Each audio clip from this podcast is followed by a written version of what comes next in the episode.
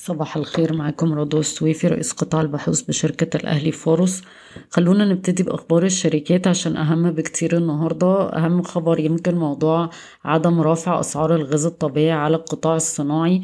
ويمكن في شركات كتيرة مستفيدة منها عز ستيل EK Holding عشان آه، اسكندرية للأسمدة آه، أبو قير كيما آه، العز للسيراميك. بس خلوني أقف عند عز لأن أنا أعتقد أن ده أكتر سهم بيتفاعل مع أخبار تسعير الغاز خاصة أن هو بس مش هيستفيد من تثبيت السعر بس كمان هو مستفيد رئيسي من الفرق بين أسعار الحديد وخام الحديد بالرغم أن هي بتهدي شوية لكن هي لسه لسه فوق ال 500 دولار وأعلى بكتير آه، من آه، المتوسطات اللي كنا شفناها طبعا آه، السنة اللي فاتت.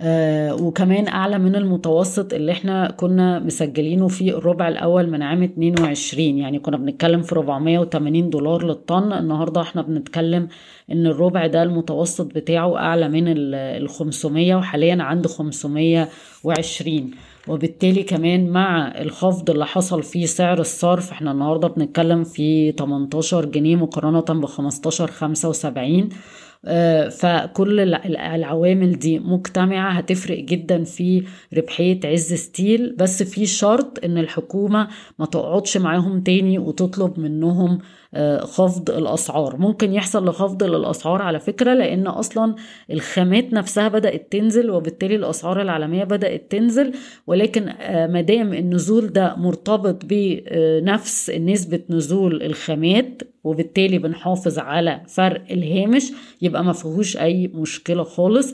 بفكركم إن مادام أسعار الغاز مش هتتغير القيمة العادلة لشركة عز بالنسبة لنا هتتجاوز ال 20 جنيه للسعر النقطة التانية اللي عايزة أقف عندها لأنها مهمة قوي هي الفرق بين أسعار الديزل وال heavy fuel oil برضو تخطت ال 500 دولار ويمكن كانت lagging بشكل كبير.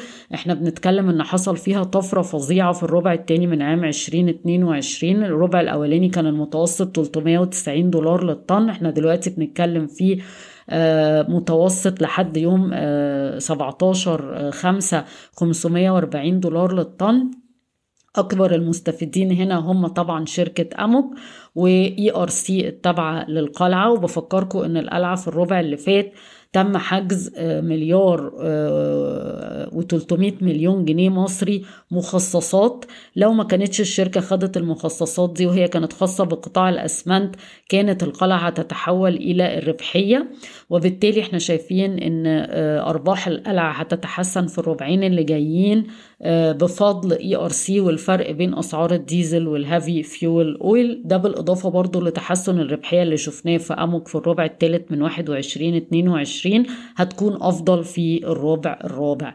وبالتالي عايزة أركز النهاردة على ثلاثة أسهم عز ستيل القلعة وأموك طيب ننتقل بقى لأخبار سريعا وإحنا لسه عند القلعة. آه، طاقة عربية التابعة للقلعة آه، استحوذت على شركة روزيتا Energy آه، شركة محلية بتقوم ببناء وتشغيل محطات إسالة وإعادة تحويل الغاز للشركات متوسطة وصغيرة والنقل البحري في الأسواق الناشئة في أفريقيا والشرق الأوسط نقل الغاز يعني البحري.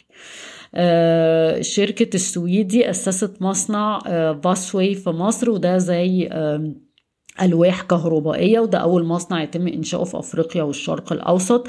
شركة إيديتا مجلس الإدارة هيأسس شركتين جداد شركة استثمار لتأسيس الشركات برأس مال 5 مليون جنيه والأخرى تمويل آه، متناهي الصغر برأس مال 15 مليون جنيه. طبعا هي شركات لسه صغيرة بس القيمة بتاعتها في ال potential رايا Contact Center صافي الربح للربع الأول 6.6 من عشرة مليون جنيه بارتفاع آه، ضعف السنة اللي فاتت بس هو طبعا رقم صغير والشركة مستهدفة السنة دي حوالي 50 أو 60 مليون جنيه أرباح.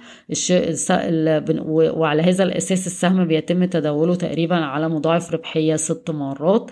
شركة رايا هتنشئ مزايا لتوزيع الأجهزة الكهربائية برأس مال 10 مليون جنيه وحققت أرباح 53 مليون جنيه ونص بارتفاع 50% على أساس سنوي مدفوع بالإيرادات. آه، فوداكوم آه، بتدرس إصدار سنوات سندات أنا أسفة لتمويل استحواذها على حصة أغلبية في شركة فودافون إيجيبت. آه، بنك البركة نتائج الأعمال الربع الأولاني 369 مليون جنيه بارتفاع 37% على أساس سنوي مدفوع بالدخل من الهوامش. وانخفاض معدل الضريبة الفعلي وانخفاض المخصصات. السهم بيتم تداوله عند 2.6 من عشرة مرة مضاعف ربحية وبيحقق return on equity 20% فيصل نتائج أعمال الربع الأول لعام 2022 صافي أرباح 1.2 من عشرة مليار جنيه بارتفاع 120% على أساس سنوي والسهم بيتم تداوله عند 2.5 مرة مضاعف ربحية لعام 22 نتائج أعمال البنوك الربع ده يا جماعة كانت كلها ممتازة ممتازة جدا جدا. إعمار وقع مع حياة كريمة تبرع بمليار جنيه وده تقريبا 9% من صافي النقدية اللي عند الشركة اللي هي 11.5 مليار جنيه. بالنسبة لشركة مصر الجديدة للإسكان بتخطط لافتتاح المرحلة الأولى من الميريلاند في أواخر يونيو أو أوائل يوليو 2022 آه، بالنسبة لأخبار الماكرو خفضت الحكومة توقعاتها للنمو في السنة المالية 22 23 4.5% وزادت تحويلات المصريين العاملين في الخارج آه، في شهر مارس ل 3.3 من عشرة مليار دولار والحكومة بتستهدف إصدار آه، سندات خضراء بقيمة 500 مليون دولار أمريكي في السنة المالية 22 23 بشكركم ويوم سعيد.